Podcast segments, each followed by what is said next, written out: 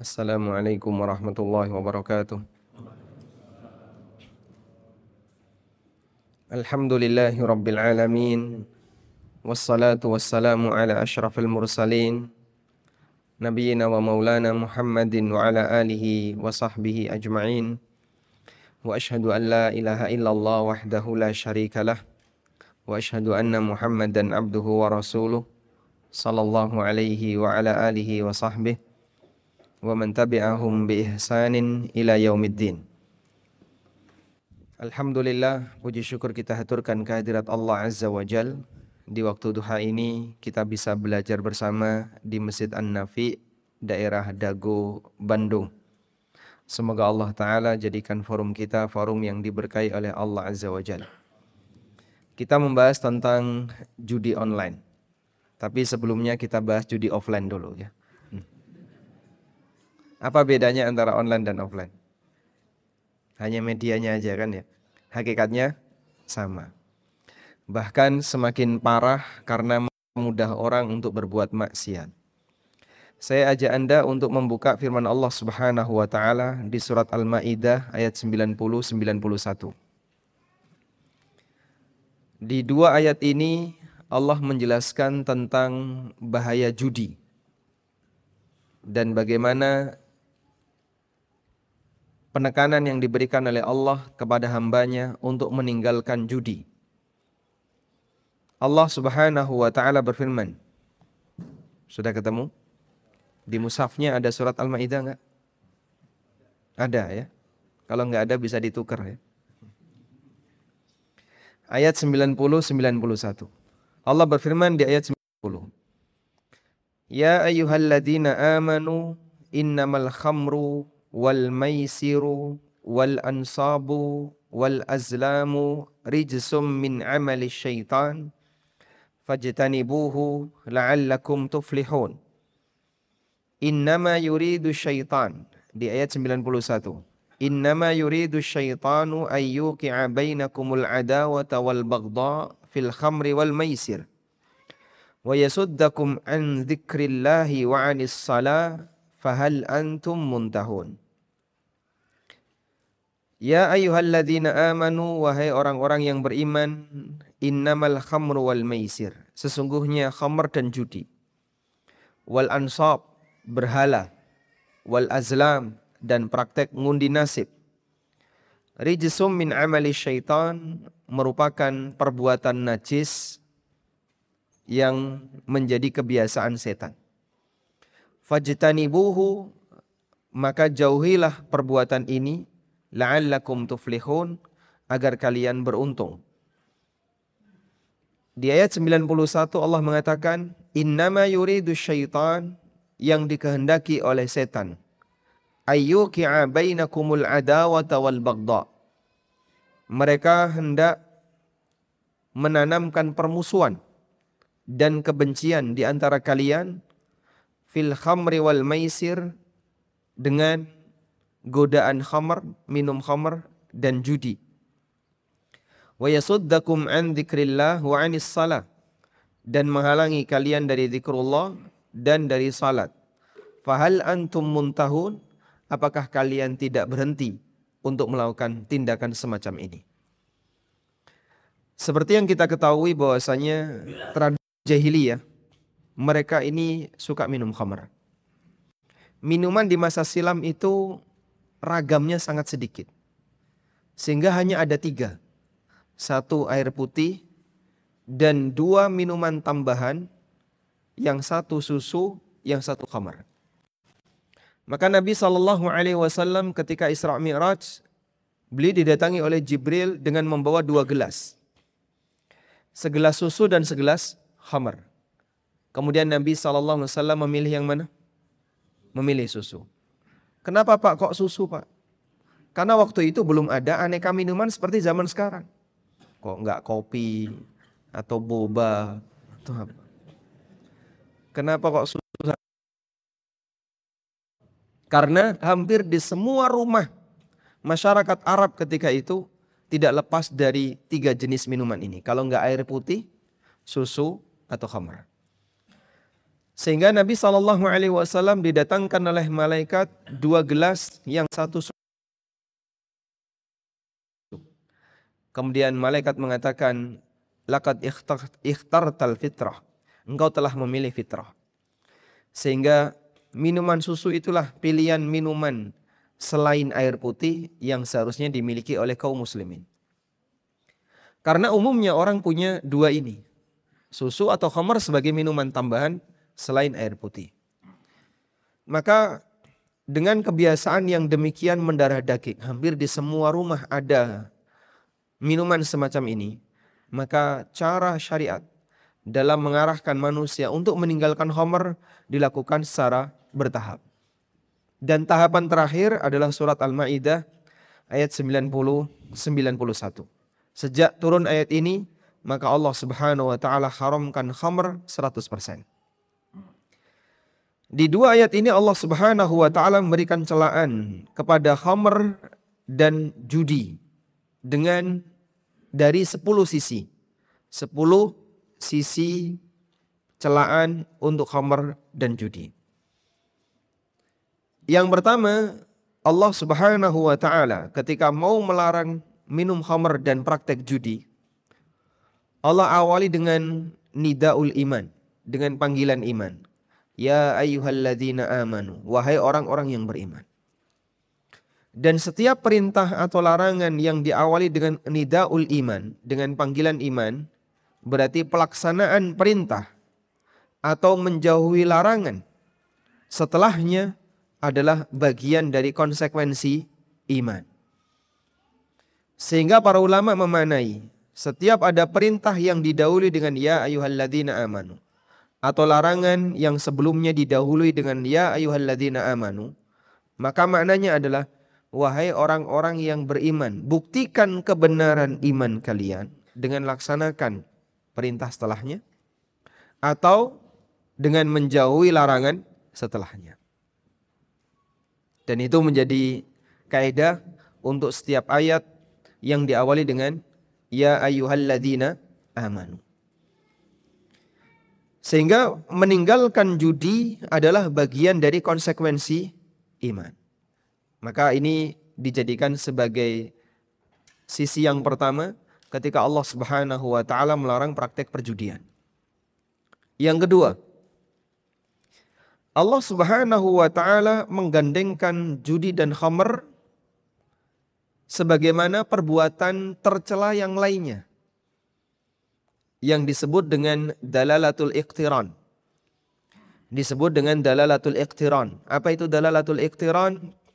Dalalatul iqtiran adalah indikasi sesuatu itu bisa dinilai baik dan buruk dilihat dari rangkaian kalimat kanan kirinya.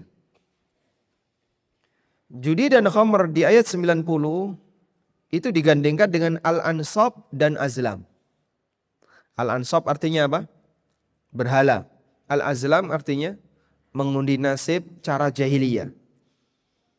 Sehingga sebagaimana kalian tidak ingin disebut sebagai orang yang dekat dengan berhala, maka seharusnya kalian jauhi judi dan khamar. Maka status khamar dan judi digandengkan dengan al-ansab wal azlam untuk menunjukkan bahwasanya praktek perbuatan ini adalah praktek perbuatan yang tercela sebagaimana tercelanya orang yang menyembah berhala, sebagaimana jeleknya orang yang mengundi nasib dengan menggunakan al-azlam. Itu yang disebut dengan dalalatul iqtiran. Sehingga kalau ada nama orang disebutkan bersamaan dengan nama orang yang lain, maka nama yang pertama itu kurang lebih senilai dengan nama yang lain. Misalnya, ada orang yang bilang seperti ini. Di antara daftar manusia yang disebutkan dalam Al-Quran. Orang menyebutkan kayak gitu ya. Di antara daftar manusia yang disebutkan dalam Al-Quran. Misalnya kemudian dia sebut kayak gini. Si A, Abu Lahab, Haman, Fir'aun. Dia sebutkan daftar orang-orang kafir. Berarti kurang lebih si A ini, kurang lebih si A ini apa? Mirip sebagaimana kanan kirinya. Itu yang disebut dengan dalalatul iqtiran. Di mana seseorang mereka menyampaikan sebuah pernyataan untuk menilai sesuatu dengan menyebutkan kanan kirinya. Tayyib. Ini sisi yang kedua. Sisi yang ketiga, Allah Subhanahu wa taala menyebut judi dengan rijsun. Rijis artinya najis. Najis apanya, Pak?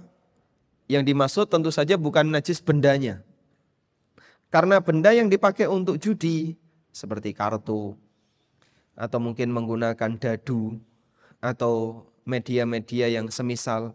Benda-benda seperti ini secara fisiknya suci atau najis? Suci atau najis?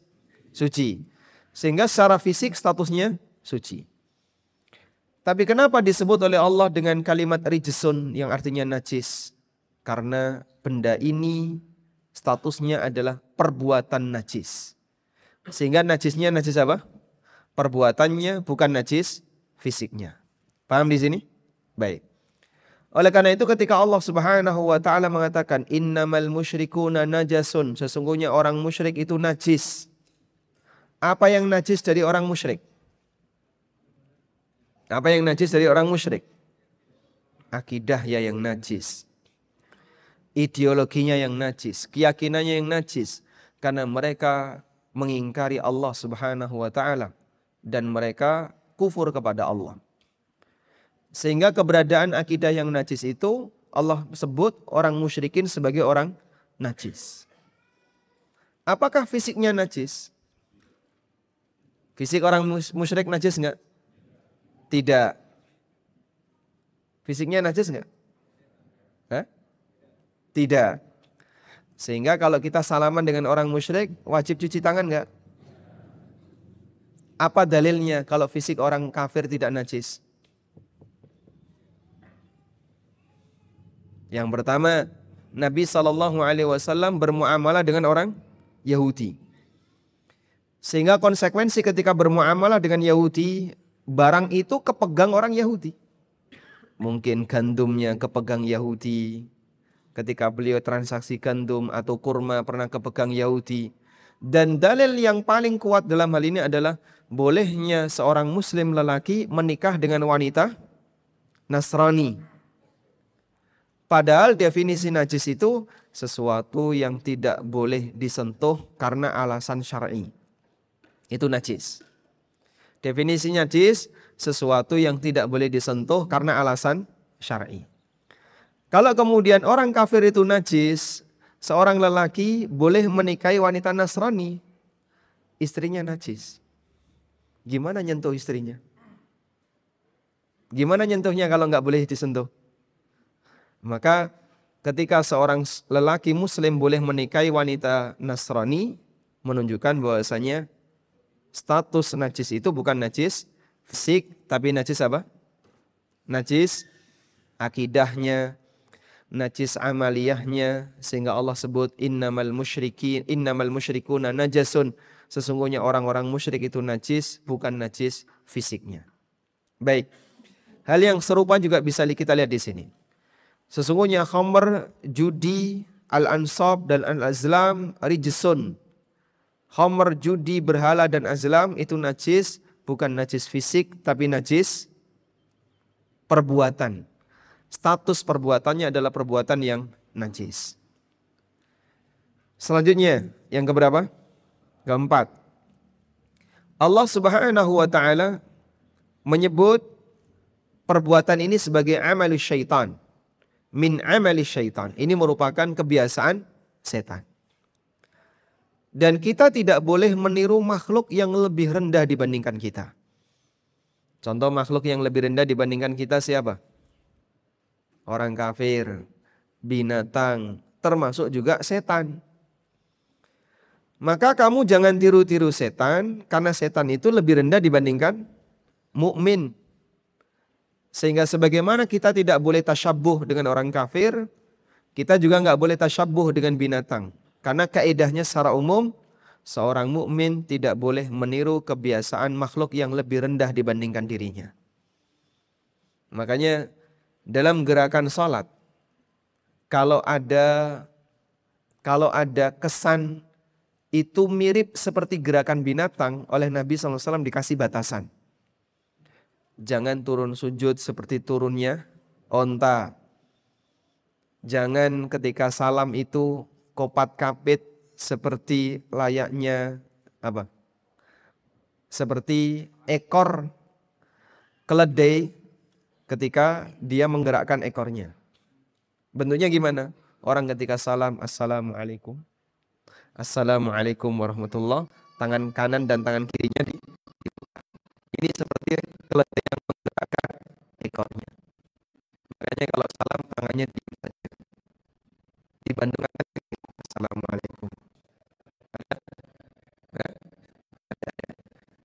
Tahu siapa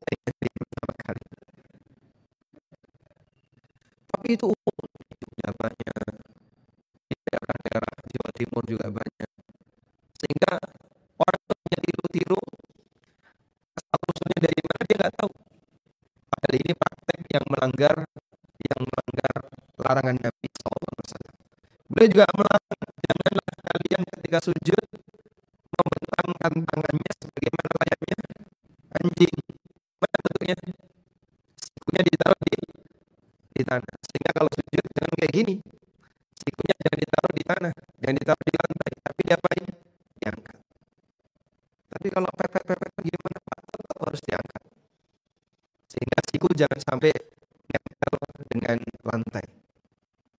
Dan seterusnya.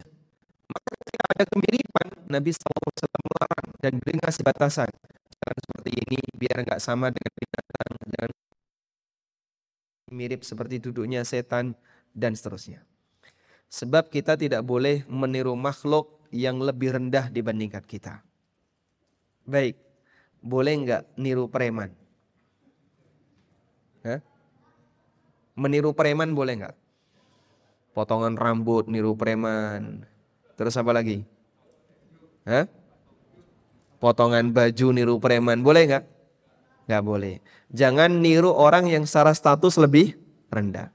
Baik orang kafir, binatang, setan, maupun orang yang secara umum di masyarakat dianggap buruk seperti niru gaya preman. Kalau niru gaya pemain bola, hmm? boleh. Tendangannya boleh ya. Kalau penampilannya jangan. Baik. Ini sisi yang kelima. Yang keenam, fajtanibu Allah Subhanahu wa taala perintahkan jauhilah. Sehingga ketika ada perintah sekarang yang kelima. Yang kelima Allah perintahkan fajtanibuhu jauhilah. Dengan menggunakan fi'il amr yang tegas. Fajtanibuhu jauhilah. Istana bayacan yajtanibu dari kata janbun yang artinya bagian sisi. Orang junub disebut junub karena dia jauh dari ibadah. Makanya orang yang sedang junub dia tidak boleh melaksanakan ibadah. Wasahibi bil jambi teman yang berada di samping. Artinya dia tidak bersatu dengan kita. Maka Allah sebut fajtani buhu Jauhilah dia, jadikan dirimu dengan perbuatan ini berbeda. Jangan sampai menyatu dengan kamu. Itu yang dimaksud dengan makna fajtanibu. Yang keenam, la'allakum tuflihun, agar kalian beruntung. Tentu semua orang mengendaki dia disebut sebagai orang muflih yang beruntung. Dan syarat untuk bisa disebut orang yang beruntung, dia harus melaksanakan apa yang diperintahkan oleh Allah atau menjauhi apa yang dilarang oleh Allah. Ini sisi yang keenam. Sudah? Empat sisanya ada di ayat 91. Yang ketujuh, Allah menjelaskan ada maksud jahat setan. Mau dikonekkan dengan Zoom? Biar bisa tampil di atas ya.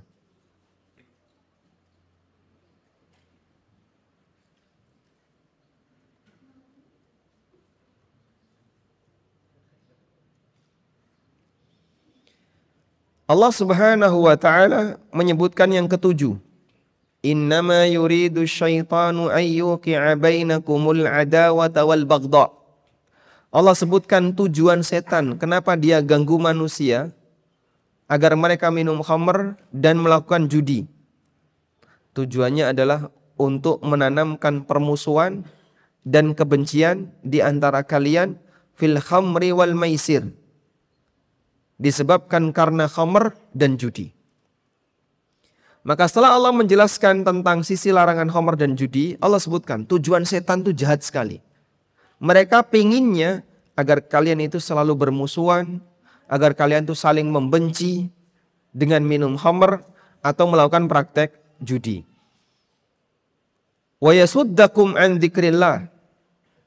Sisi yang keberapa ini? Yang kedelapan dan setan menghendaki agar menghalangi kalian untuk melakukan zikrullah. Makanya nggak ada orang judi begitu menang. Alhamdulillahi bini'matihi tatimmus salihah. Sambil ngambil duitnya. Ada kayak gitu Pak? Tidak mungkin. Dia tidak akan mengingat Allah. Dan kalaupun ketika dia kalah, inna lillahi wa inna ilaihi raji'un. Fasabrun jamil. Wallahul musta'an. Tidak ada kayak gitu. Mereka ketika praktek seperti ini akan menghalangi akan menghalangi praktek perbuatan ini dari zikrullah. Dan yang kesembilan wa'anis salah dan menghalangi dari salat. Sehingga Allah sebutkan ada tiga tujuan utama. Setan goda manusia dengan praktek judi dan minum khamar.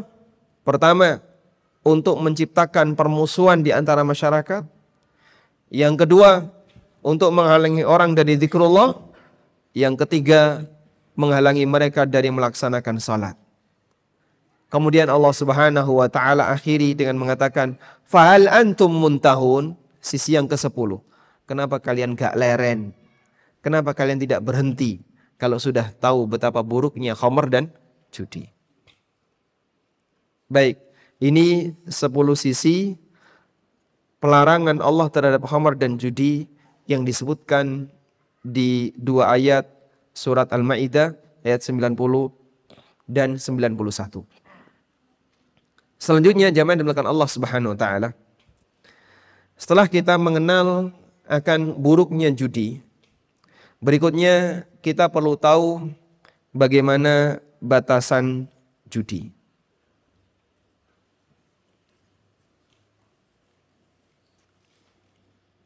Judi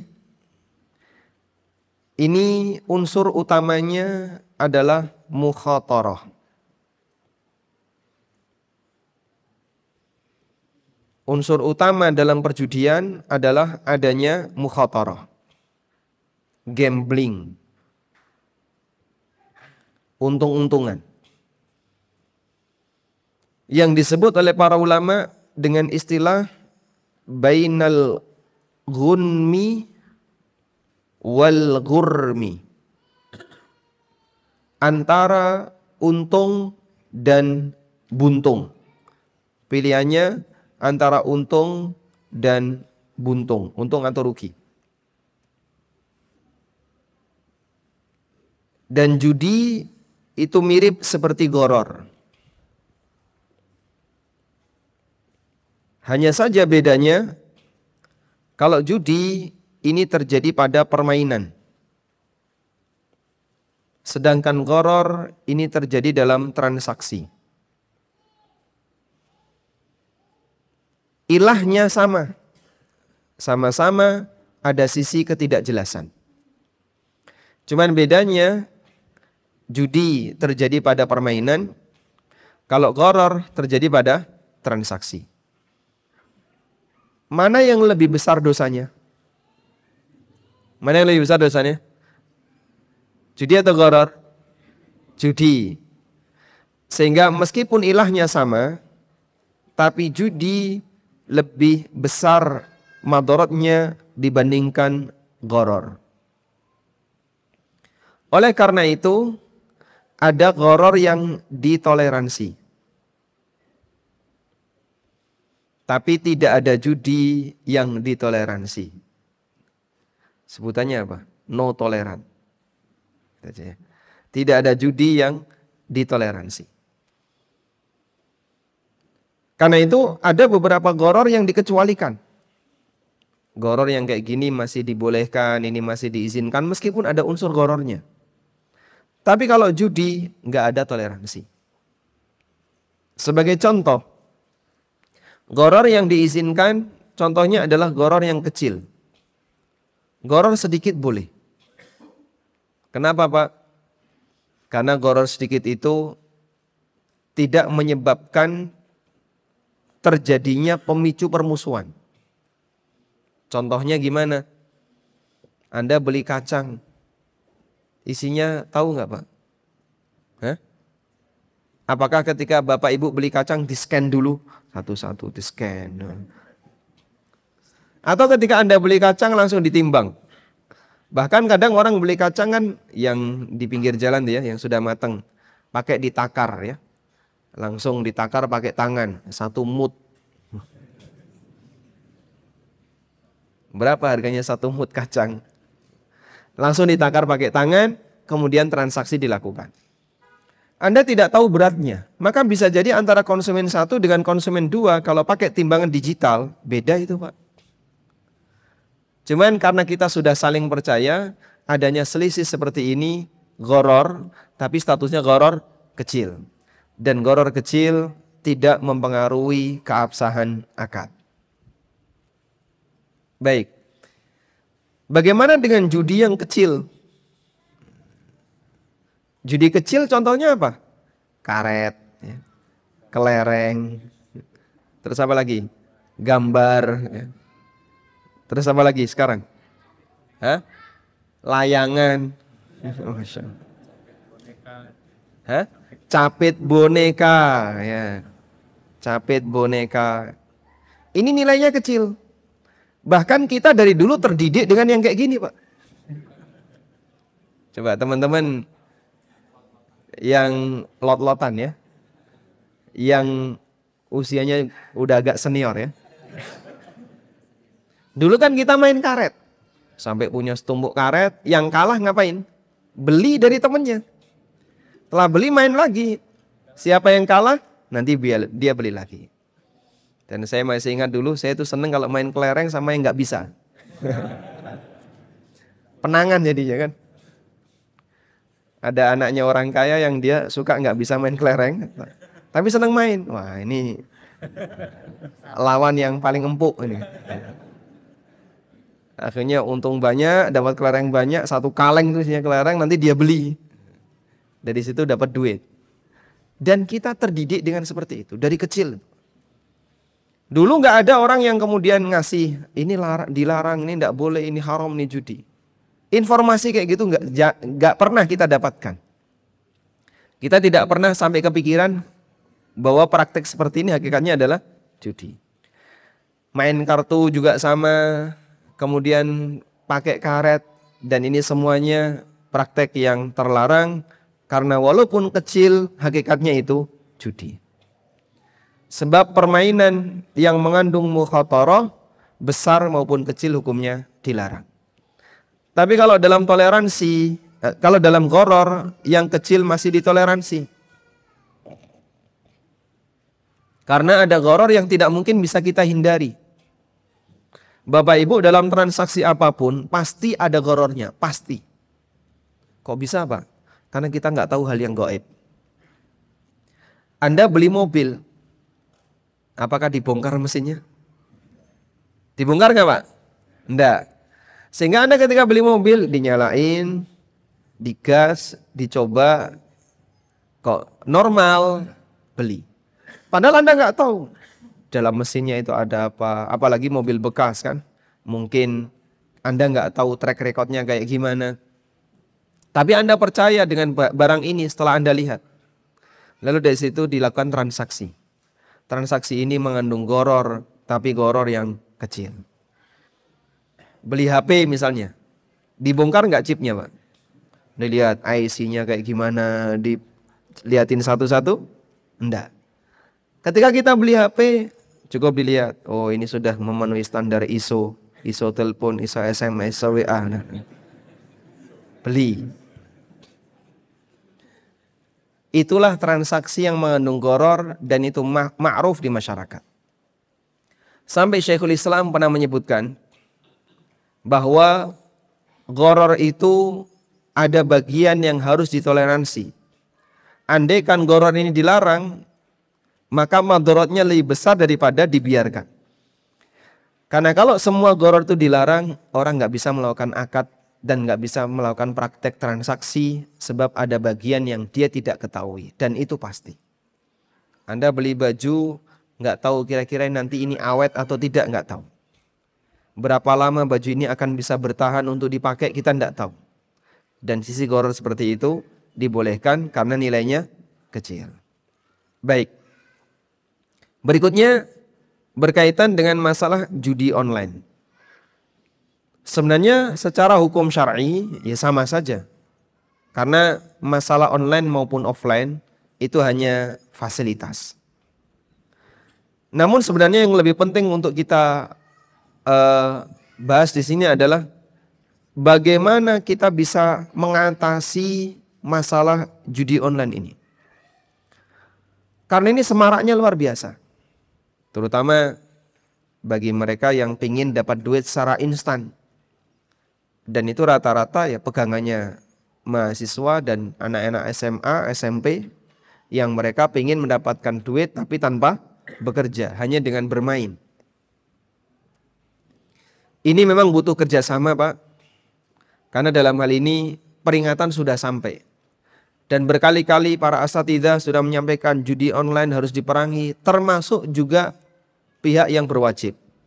Polisi sudah berusaha untuk menyebarkan aturan tentang masalah ini bahwasanya praktek judi online itu pelanggaran negara.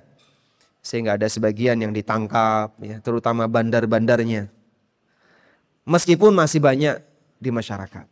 Nah, saya berharap dan kita semua berharap Semoga pemerintah bisa ngeblok situs-situs judi online. Ya. Cuman sampai sekarang masih tersebar secara diam-diam, kadang melalui WA ditawari ini, tawari ini, ternyata akhirnya judi online. Wallahu alam. Terus ada juga pinjaman online. Karena judul di pagi ini judi dan pinjaman online.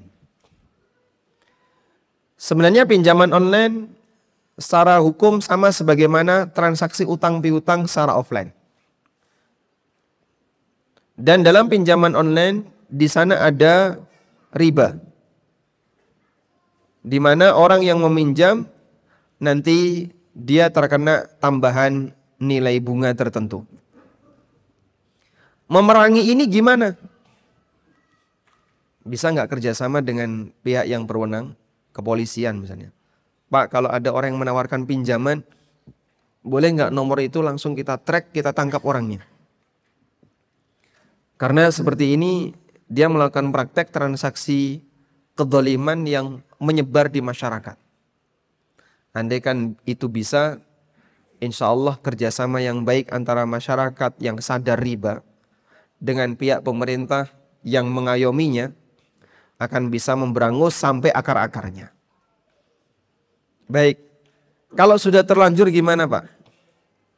Kalau sudah terlanjur, butuh kerjasama dengan orang-orang yang ada di nomor HP yang sering dihubungi. Si A pinjem online, pinjol. Begitu terjerat pinjol gimana? Maka dia akan ini pinjol akan menghubungi mungkin istrinya, suaminya, saudaranya, orang-orang di kantor dan seterusnya. Ganggu terus, diteror. Ya. Ini di mana, ini tanya ini di mana dan seterusnya. Mereka begitu rajin untuk nyari sasaran. Lebih rajin dibandingkan Bapak Ibu nyari biografi para ulama. Kita kalau belajar nggak serajin itu, tapi mereka masya Allah untuk hanya ngejar uang puluhan ribu, mereka berusaha sampai demikian, nyebar di mana-mana bagaimana caranya agar bisa mendapatkan data yang lengkap tentang orang ini. Maka butuh kerjasama.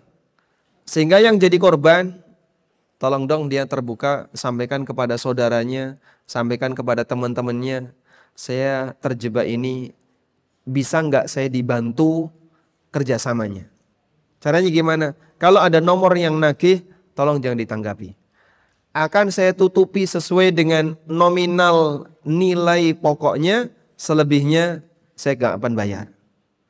Nah, jadinya kalau ada seperti ini, insya Allah jika kita bisa berikan tekanan kepada mereka, semoga nanti mereka bisa mengalah dan hanya minta nilai pokoknya saja.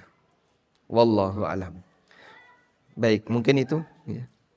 Kalau dari sisi fikih untuk online, ya sama sebagaimana yang offline.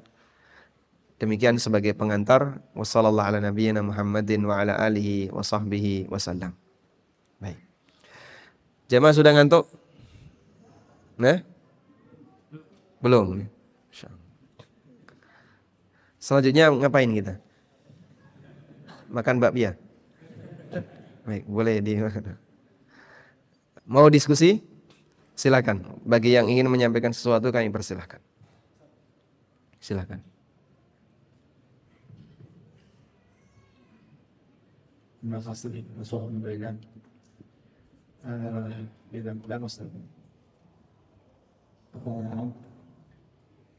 Ketika seseorang pinjam uang, seseorang, kemudian misalkan kita ingin buat tersebut, terus si A ini ngasih bahkan misalnya makanan pisau apa apa apa ini diberikan di pinjam uang ke sendiri siapnya kasih tapi belum dibayar kami terus ada lagi ketika pengalaman saya istri saya itu di di operasi itu nah karena saya punya barang makanan saya kasih ke perawat saya itu katanya nggak boleh hmm. oh tidak sama Assalamualaikum warahmatullahi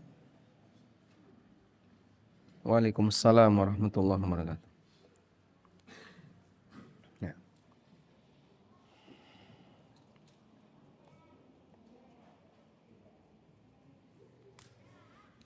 Baik, untuk kasus yang pertama tadi ya. Bapak bertanya tentang ada orang yang ngasih hadiah berupa pisang ketika utang itu belum lunas ya. Si A pinjam ke si B senilai tertentu, kemudian si A ngasih hadiah pisang. Boleh nggak ini diterima? Coba kita baca riwayat berikut.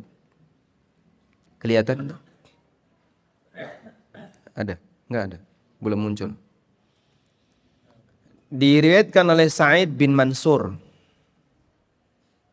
dalam sunannya dari Abdullah bin Umar radhiyallahu anhu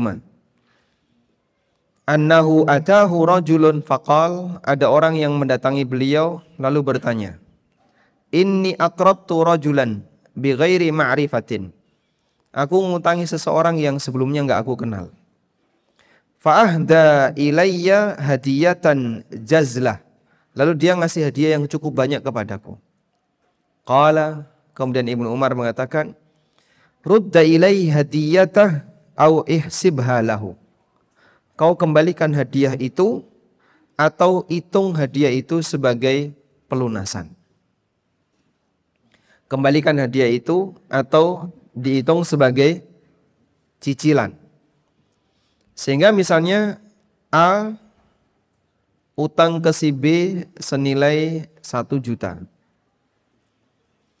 Lalu satu ketika si A ini ngasih ke si B duren. Si B sayang, wah pas banget ini. Ngasih duren masa ditolak. Akhirnya diterima oleh si B. Boleh nggak B menerima itu? Ada dua pilihan. Tolak atau yang kedua diterima tapi dijadikan cicilan. Sehingga si B harus tanya kepada si A, berapa harga durennya? 100 ribu. Berarti utangmu tinggal 900 ribu. Maka duren ini diterima dianggap sebagai cicilan. Tapi besok lagi jangan ngasih duren ya, nanti utangmu habis kan benar. Saya nggak dapat duit, cuma dapat durian doang. Dia boleh menerima itu, tapi terhitung sebagai pengurang nilai utang. Maka pisang boleh diterima, namun sebagai pengurang nilai utang. Baik. Yang kedua tadi apa? Dirawat, oh, ngasih perawatnya. Sodakoh ke perawat. Masya Allah. Baik, yang lebih tepat bukan sedekah ya, hadiah. Pasien memberikan hadiah kepada perawat. Ini boleh atau tidak? Kita bagi jadi dua ini perawat. Yang pertama dia ASN. Kalau ASN sama sekali nggak boleh. Karena kita tidak boleh memberikan hadiah kepada aparat dan ASN itu bagian dari aparat. Apa pun bentuk hadiah itu atas layanan yang dia berikan kepada kliennya. Karena aparat sudah mendapatkan gaji dari negara. Yang kedua, dia karyawan swasta. Kalau karyawan swasta, maka ini bergantung kepada kebijakan kebijakan perusahaan tempat dia kerja. Saya tulis PT gitu aja. Sehingga kalau pihak rumah sakit atau pihak klinik mengizinkan bagi perawat di sini jika ada pasien yang ngasih makanan atau ngasih sesuatu silahkan diterima. Maka ketika sudah diizinkan oleh pihak perusahaan, hukumnya boleh. Tapi kalau pihak perusahaan tidak pernah mengizinkan, hukum asalnya tidak boleh. Sebab dia sudah mendapatkan gaji dari perusahaan. Oleh karena itu, yang perlu diketahui adalah mungkin Bapak bisa menghubungi atasan perawat. Boleh nggak di rumah sakit ini perawat menerima hadiah dari pasien? Kalau diizinkan, ya Pak di rumah sakit ini kami sudah mengizinkan, maka insya Allah tidak masalah jika kita ngasih ke mereka sebagai hadiah. Karena ucapan terima kasih, sudah ngasih layanan dan seterusnya. Wallahu a'lam. Baik, selanjutnya. Di mana mikrofon? Nah, silahkan ditunjuk. Assalamualaikum warahmatullahi wabarakatuh. Waalaikumsalam warahmatullahi wabarakatuh. Karena judi online dan pinjaman online karena ponanya satu di judi online alamatnya di pinjaman online alamatnya. Ini bukan pengalaman kan? Bukan, alhamdulillah. Insyaallah. ini apa namanya pengalaman sekitar Masya Allah, pengalaman sekitar. jadi kalau yang dari judi online bisa uh, ada studi kasus uh, kita di rekan kerja itu ada yang pemain judi online. Nah waktu itu pada saat itu jadi anak udah lewat pada saat itu kita digaji itu per hari per hari lima puluh ribu per hari lima puluh ribu nah apa namanya? Kita tahu salah satu teman kita itu ada pemain di online cuman dia suka minjem ke kita jadi setiap kali itu suka deposit dua puluh ribu. Dia suka suka minjem ke kita dua puluh ribu dua puluh ribu dua puluh ribu. Nanti besok saya ganti besok saya ganti. Iya entah dia menang atau kalah pokoknya besok dia ganti. Nah kita belum tahu eh, gimana caranya buat kasih tahu ke dia dengan cara yang baik Ustaz. karena apa namanya eh, takutnya nanti mau apa jadi jelek Ustaz. tiap pertama karena ingin nanya soal itu soal itu jadi permusuhan di kita juga Ustaz. kalau misalnya kita nggak mau pinjam Oh, Masya Allah. yang pertama Di- Anda diteror kalau nggak nginjem. makanya riset Oh, Nah, eh, yang eh, yang kedua pinjaman online eh apa nak nyebutin merek mobil saja ya mereknya Panasonic apa merek? oh, nah ada yang namanya Shopee Pay Later ah, pay letter ya. Nah, Pay Later. nah Shopee Pay Later? Eh, ini terjadi juga dulu dengan yang anak jadi musrik kan jadi ya dulu pernah jadi musrik teman-teman musrik ya ini di sekolah silat juga teman-teman musrik yang lain itu melakukan apa pay letter Shopee Pay Later karena pengalaman kita pada saat itu eh, kalau misalnya kita misalnya eh, kita menetapkan tanggal setiap tanggal lima itu harus bayar sebelum tanggal lima itu nggak pernah ada tambahan Sat. nggak pernah ada libel itu Sat. misalnya kita pinjam ke Shopee Pay Later ini uang seribu kita diizin lima bulan sebelum tanggal lima kita harus seratus ribu seratus ribu seratus ribu dan emang sebelum tanggal lima kan kita bayar seratus ribu nggak ada, ada tambahan sedikit pun nah itu apakah boleh nah itu menjadi salah satu hujah kita bahwasanya wah Pay Later boleh kenapa nggak ada tambahan riba sedikit pun gitu Hmm. nah itu yang menjadi kita Kids dua itu jadi judi online gimana caranya kita ngomong ke rekan kerja kita yang kedua video online apakah paylater dengan tanpa Ustaz? seperti seperti Barakallah baik. Baik. Memang salah satu di antara resiko amar ma'ruf nahi mungkar itu dimusuhi. Bahkan itu sampai pada seorang nabi. Sehingga Nabi Muhammad sallallahu alaihi wasallam ketika beliau berdakwah di antara resikonya yang itu sudah beliau ketahui dari Warakah bin Naufal. Ya. Ma ja'a rajulun bima ja'a bika illa udhi. Tidak ada siap tidak ada seorang pun yang membawa risalah sebagaimana yang kau bawa kecuali pasti dia akan dimusuhi. Tapi itulah konsekuensi dari amar ma'ruf nahi mungkar. Sehingga kadang ada orang yang kita ingatkan dia nggak terima dan ketika nggak terima memusuhi kita. Padahal kita juga punya kewajiban man ra'a minkum mungkaran falyughayyirhu biyadihi fa illam yastati fa bilisani fa illam yastati fa biqalbi. Siapa yang melihat kemungkaran di antara kalian, ubahlah kemungkaran itu. Dan salah satu resiko mengubah kemungkaran adalah kita akan dimusuhi. Sehingga kalau hanya pertimbangan takut dimusuhi, terus kita nggak jadi ingkarul mungkar, maka selamanya amar ma'ruf mungkar dihilangkan di muka bumi. Oleh karena itu resiko ini tidak boleh dijadikan sebagai bahan pertimbangan. Sebagaimana orang jihad visabilillah. Jihad visabilillah resikonya apa? Hilang nyawa atau pulang cacat. Pak, bisa nggak perang jihad visabilillah tapi tanpa hilang nyawa? Yaitu di kasur mas. Atau di mana lagi misalnya. Sehingga kalau anda yang namanya jihad visabilillah namanya perang. Itu pasti akan berkonsekuensi kalau nggak hilang nyawa, pulang cacat maka konsekuensi seperti ini tidak bisa dihilangkan. Puasa pasti orang akan mengalami lapar atau haus. Apalagi di daerah yang cuacanya panas dan masa siangnya panjang.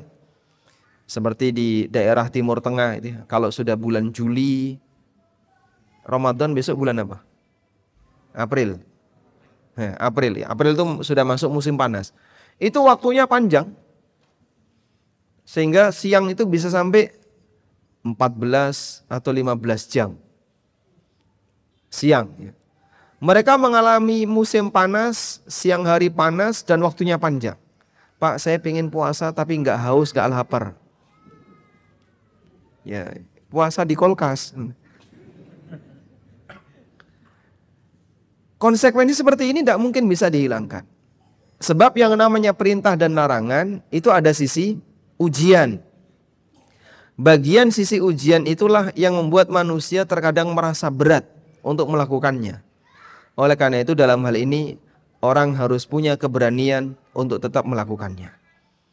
Makanya kalau pertimbangannya hanya nanti saya akan dimusuhi, ini bukan pertimbangan yang bisa dianggap untuk menggagalkan.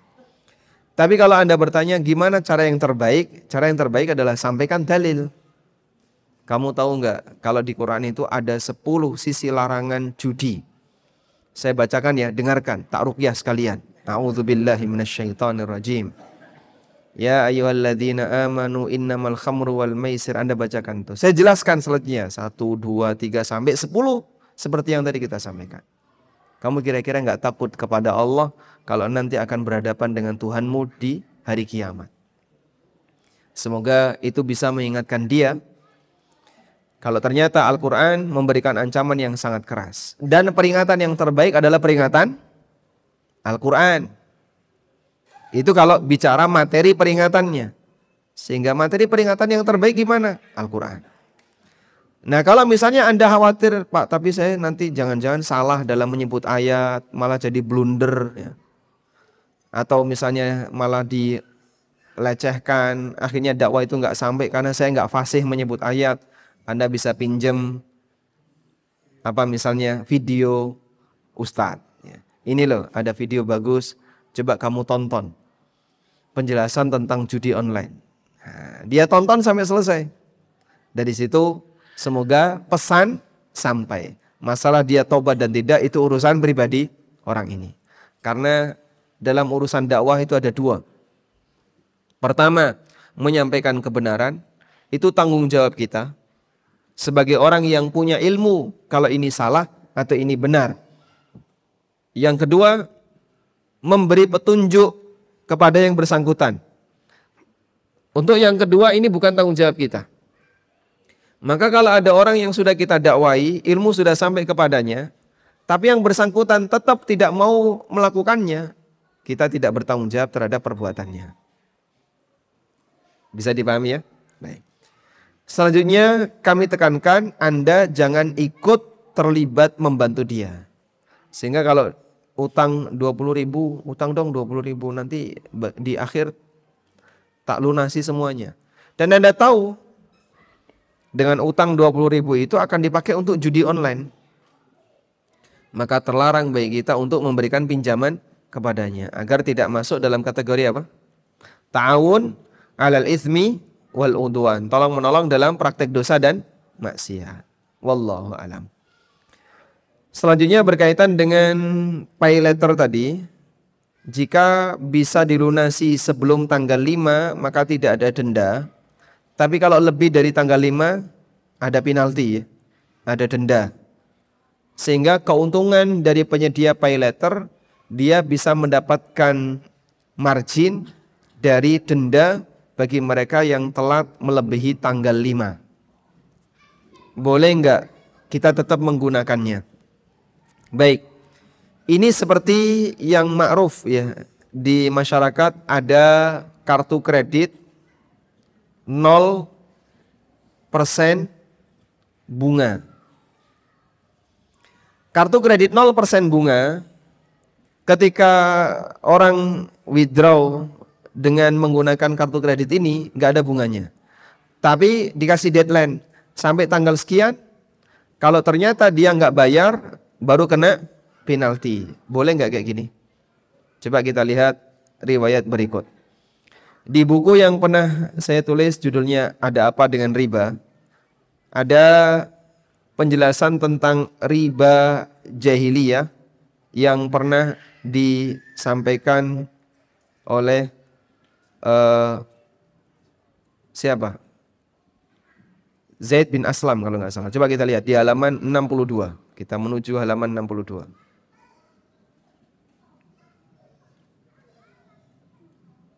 Bentuk-bentuk riba jahiliyah. Zaid bin Aslam, ulama tabi'in, pernah mengatakan, Kana riba fil jahiliyah. Bentuk riba jahiliyah. Ayyakuna lirrajuli ala rajulil haq ada orang yang punya utang kepada orang lain. Si A utang kepada si B.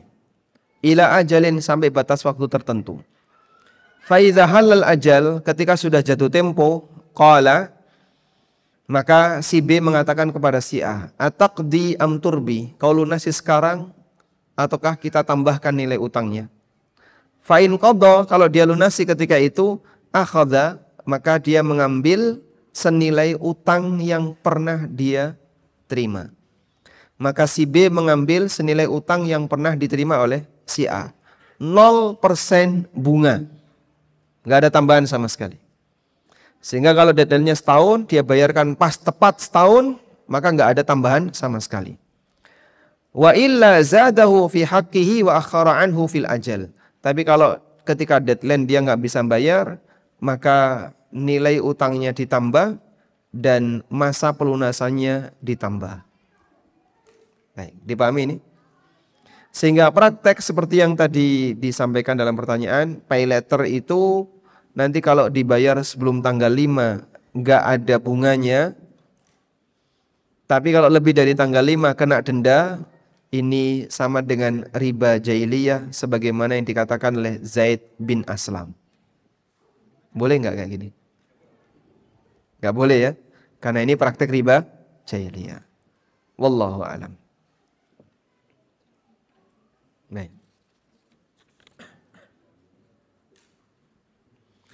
Assalamualaikum Waalaikumsalam Kartu kredit syariah yang tanpa bunga Tapi ada biaya admin ya. Berapa biaya adminnya? Kalau biaya adminnya adalah senilai 10% dari nilai utang, ya sama saja itu adalah bunga. Dan setahu saya biaya admin itu mengikuti besar kecilnya nilai utang. Dia kalau nariknya besar, nanti biaya adminnya besar. Sehingga dalam hal ini biaya admin itu adalah riba terselubung. Kamuflase riba. Apakah bunga yang muncul dari tabungan di bank halal? Jawabannya tidak halal.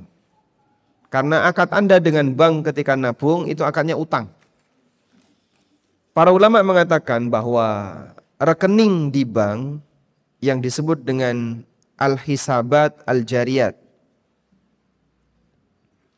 yang disebut dengan al-hisabat al-jariyat ini akadnya adalah akad utang. Akad kor. Basic akadnya adalah utang.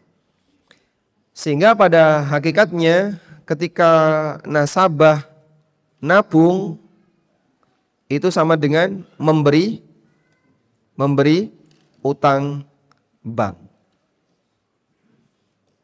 Makanya tabungan nasabah secara regulasi itu menjadi properti bank.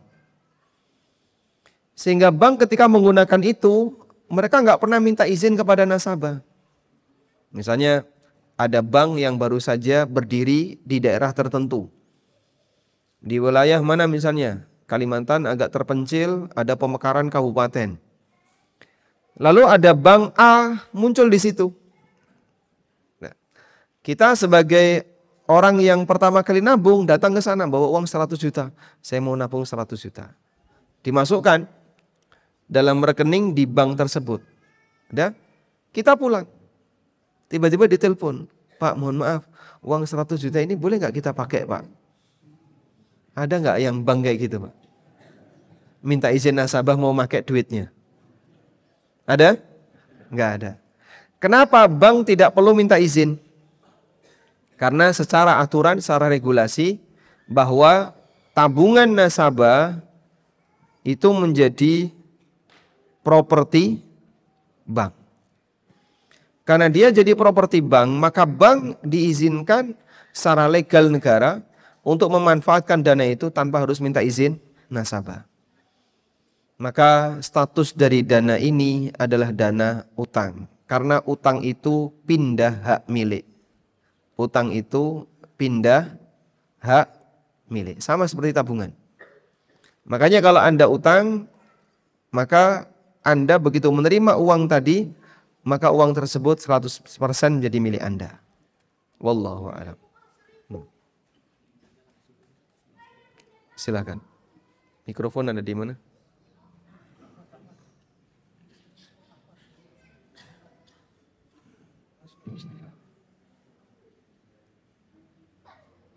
Baik, silakan Pak. Enggak jadi? Jazakumullah khairan atas kesempatan kali ini kan kepada ya semoga Ustaz senantiasa berada di dalam naungan Allah. Masya Allah. Amin walakum bimithlin.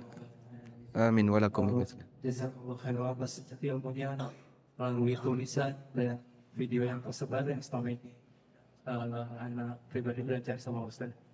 Ustaz Alhamdulillah anak tidak bisa bertanya kemarin di Al-Uqwa Ustaz terkait dengan syirkainan Ustaz.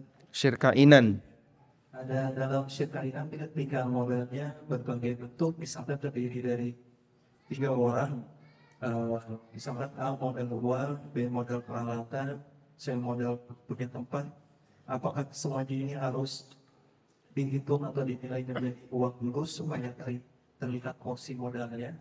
Ataukah bagaimana cara pembagiannya ketika beban atau logi akibat pembagian risiko logi dalam sirkuit ini mengacu pada porsi modal uh, anak baca ini bagus dan lalu, lalu yang kedua uh, besarnya modal dalam sirkuit itu kan adalah tidak harus sampai bebas gitu.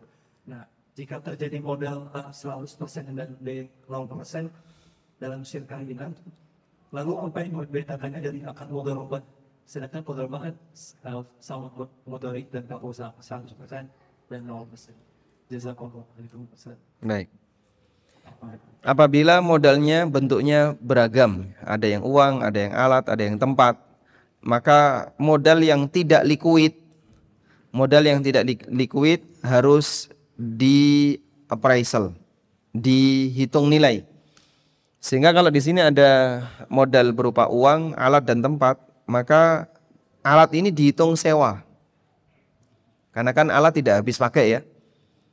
Dihitung nilai sewa. Berapa nilai sewa dari alat? Misalnya untuk masa kerjasama selama 2 tahun. Anggaplah misalnya nilai sewanya 5 juta. Tempat juga sama, dihitung nilai sewa. Berapa nilai sewa tempat selama sekian tahun? Anggaplah 10 juta. Sedangkan uang karena dia liquid maka sesuai dengan nominalnya. Misalnya dia 10 juta.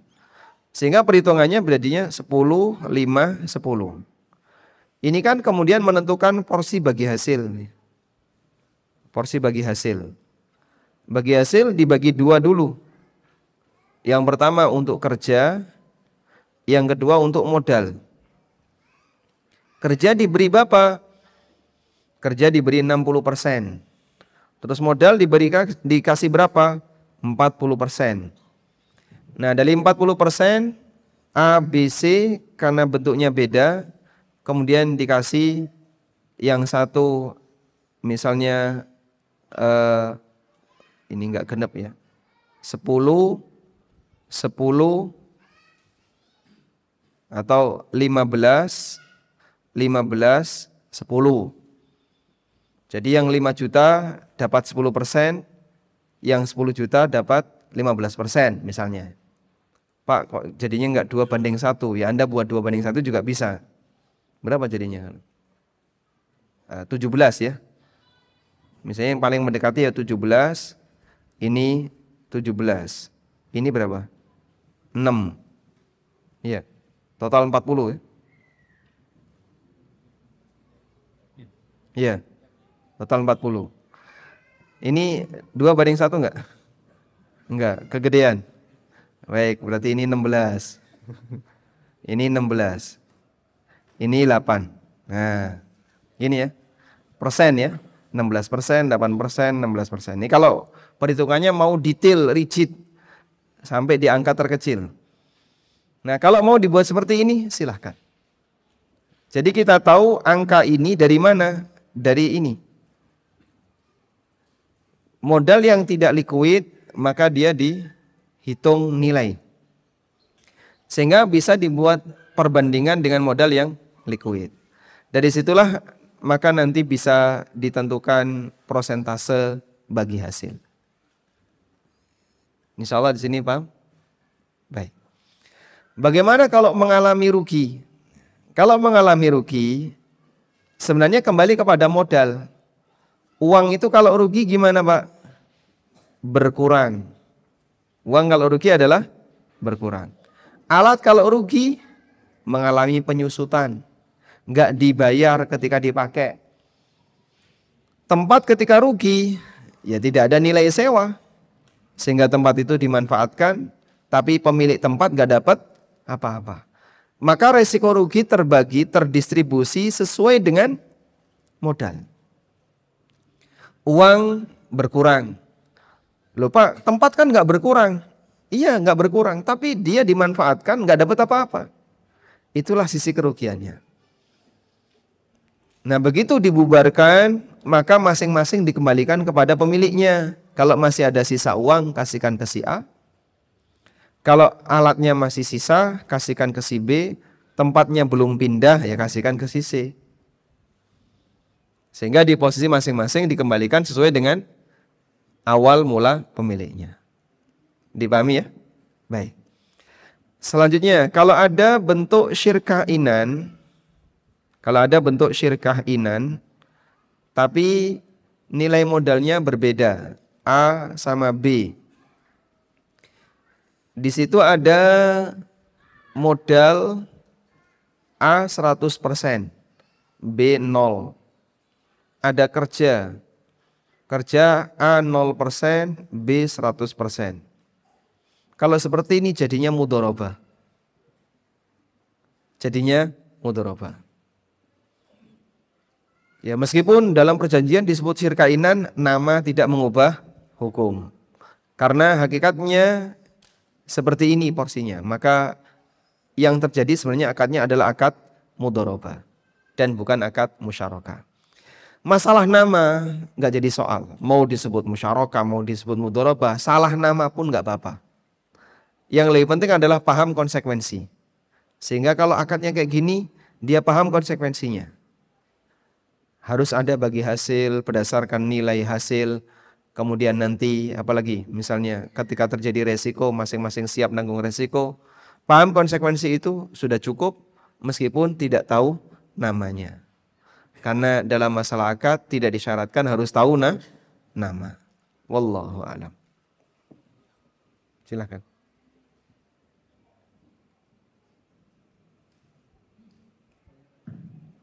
Silakan dari Ahmad apabila yang seperti ada langsung satu orang ada sedikit.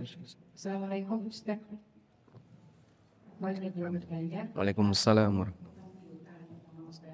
Jadi kalau kepada tadi ya karena ada concern dan beliau itu lumayan besar nih ya bisnis itu. Kemudiannya adalah kalau dia masuk menjaga dan dia sekarang harus mengganti sendiri uang pada sebetulnya dia tidak mesti pun dari untung. Hukumnya gimana ya Ustaz? Apakah dia mau mengambil? Kalau itu bagaimana dia sampai ada belum bisa menyelesaikan hutang Yang kedua tentang permainan tadi Ustaz, dan lain juga dengan. Nanti kembali lagi tidak diperbolehkan Ustaz. Dimainkan dengan cucu Apa ini kalau misalnya dia menang dia dapat dulu namanya nanti biasa aja. dikembalikan, jadi nggak ada bayar-bayar ya. Ada transaksi dengan cucunya? Nggak ada.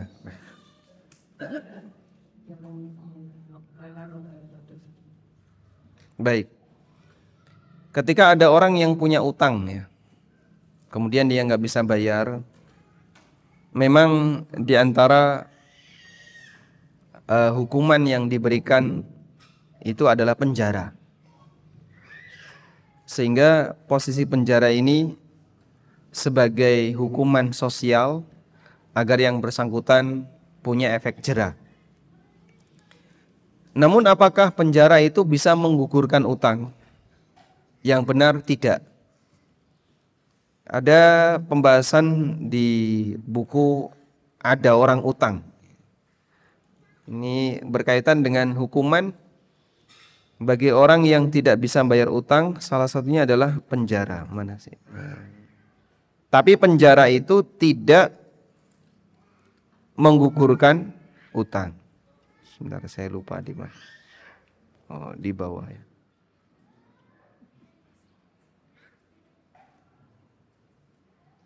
Utang sengketa utang. Baik. Lupa posisinya. Jadi hanya sebatas di penjara itu tidak menyebabkan utang jadi lunas. Nanti tetap harus dikembalikan. Selagi orangnya masih mampu untuk mengembalikan. Oleh karena itu dalam hal ini jika yang bersangkutan sudah bebas, maka nanti yang bersangkutan punya kewajiban untuk mengembalikan senilai utangnya.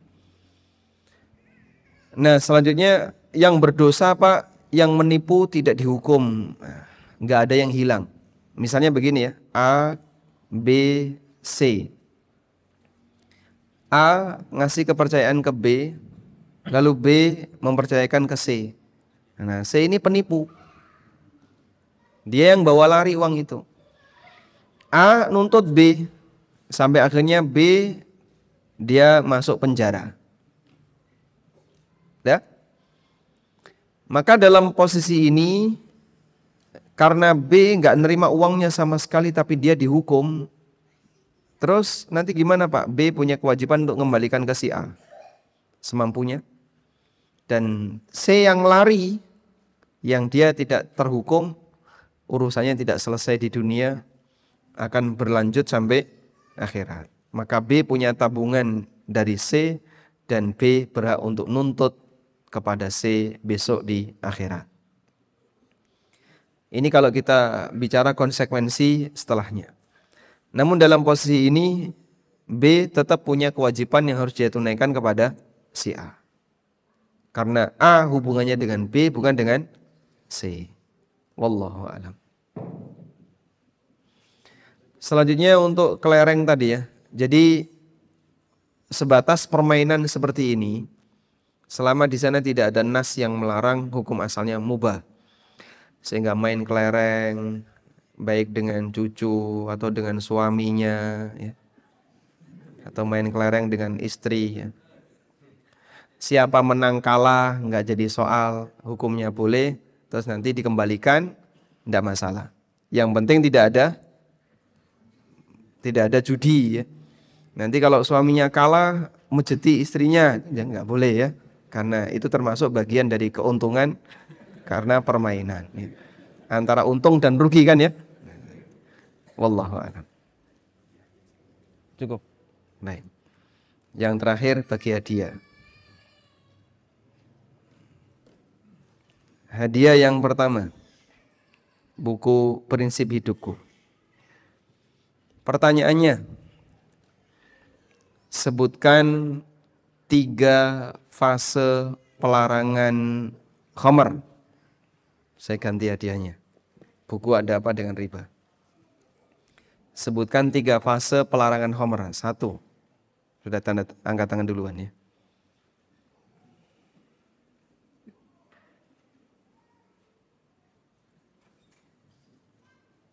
yang pertama sudah mudaratnya lebih banyak daripada Pertama menjelaskan mudarat Homer lebih besar daripada manfaatnya. Yang kedua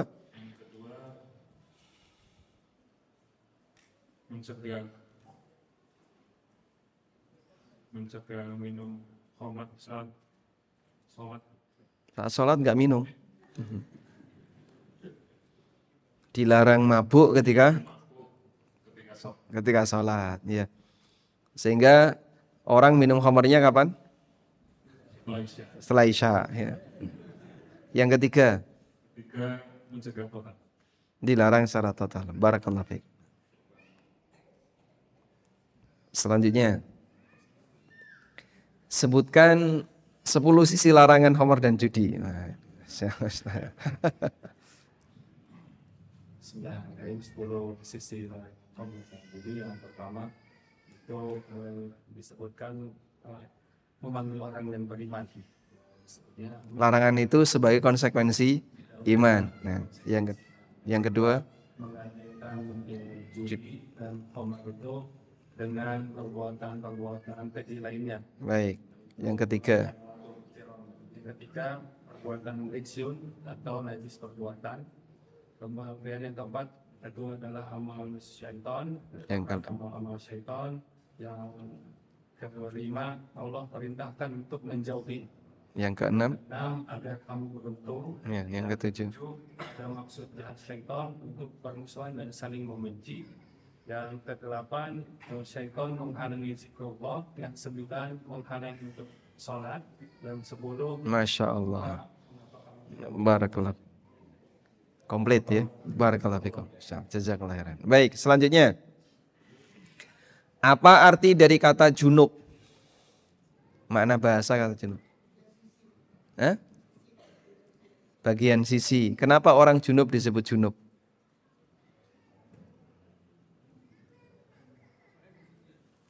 Karena dia di samping. di samping masjid. Kenapa orang junub disebut junub? Karena jauh dari ibadah. Baik, alhamdulillah dapat hadiah. Selanjutnya ya. Untuk ibu-ibu.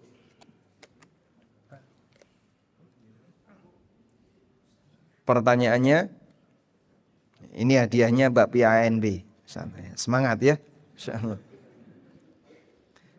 Pertanyaannya, apa beda judi dan goror?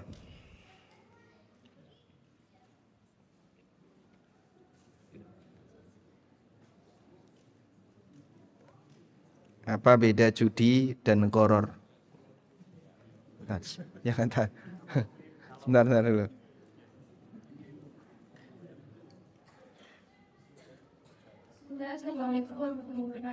Waalaikumsalam warahmatullahi wabarakatuh.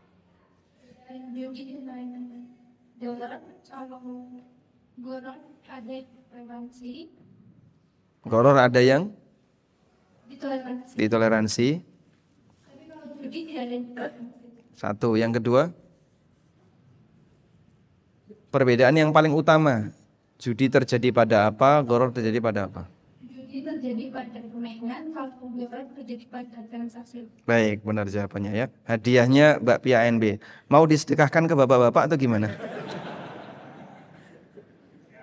Hah? Iya. Nggak ada jawaban, baik. Nanti untuk yang jawab ya. Baik, selanjutnya. Mbak Pia lagi ya. Pertanyaan berikutnya.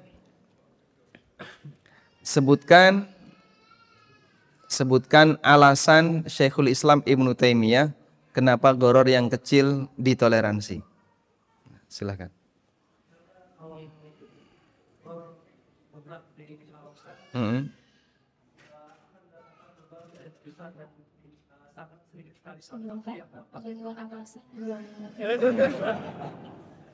Baik, boleh dua yang jawab. Silakan. Tadi Bapak sudah jawab ya. Baik, dapat hadiah ini ya. Sekarang silakan Ibu kalau mau jawab.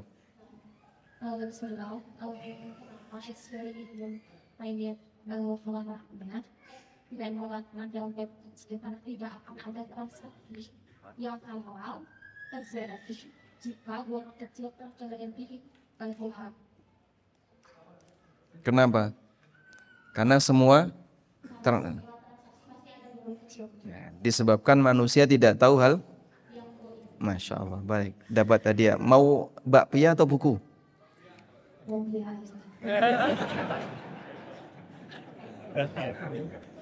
Laris bakpia nih. Selanjutnya, buku Kode Etik Pengusaha Muslim. Pertanyaannya adalah eh,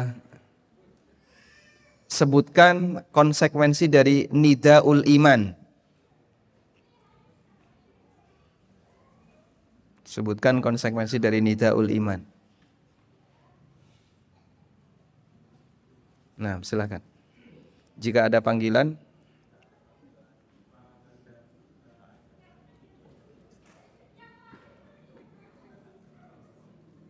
Gimana gimana? Hmm.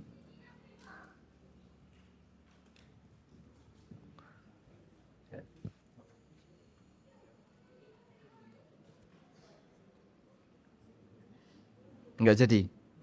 Enggak jadi. Baik, boleh call a friend. Ada yang mau menyempurnakan? Eh, silakan belakangnya Pak Yudis. Jika ada panggilan yang yang amanu maka perintah atau larangan wajib dilakukan sebagai bukti konsekuensi dari suatu iman Ya, Perintah atau larangan yang jatuh setelah panggilan ya ayyuhalladzina amanu.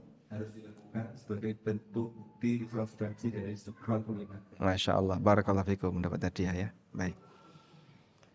Yang terakhir Mbak Pia. Ya. Hah? Dibagi aja, baik. Alhamdulillah, terus sekali ya. Kita bagi.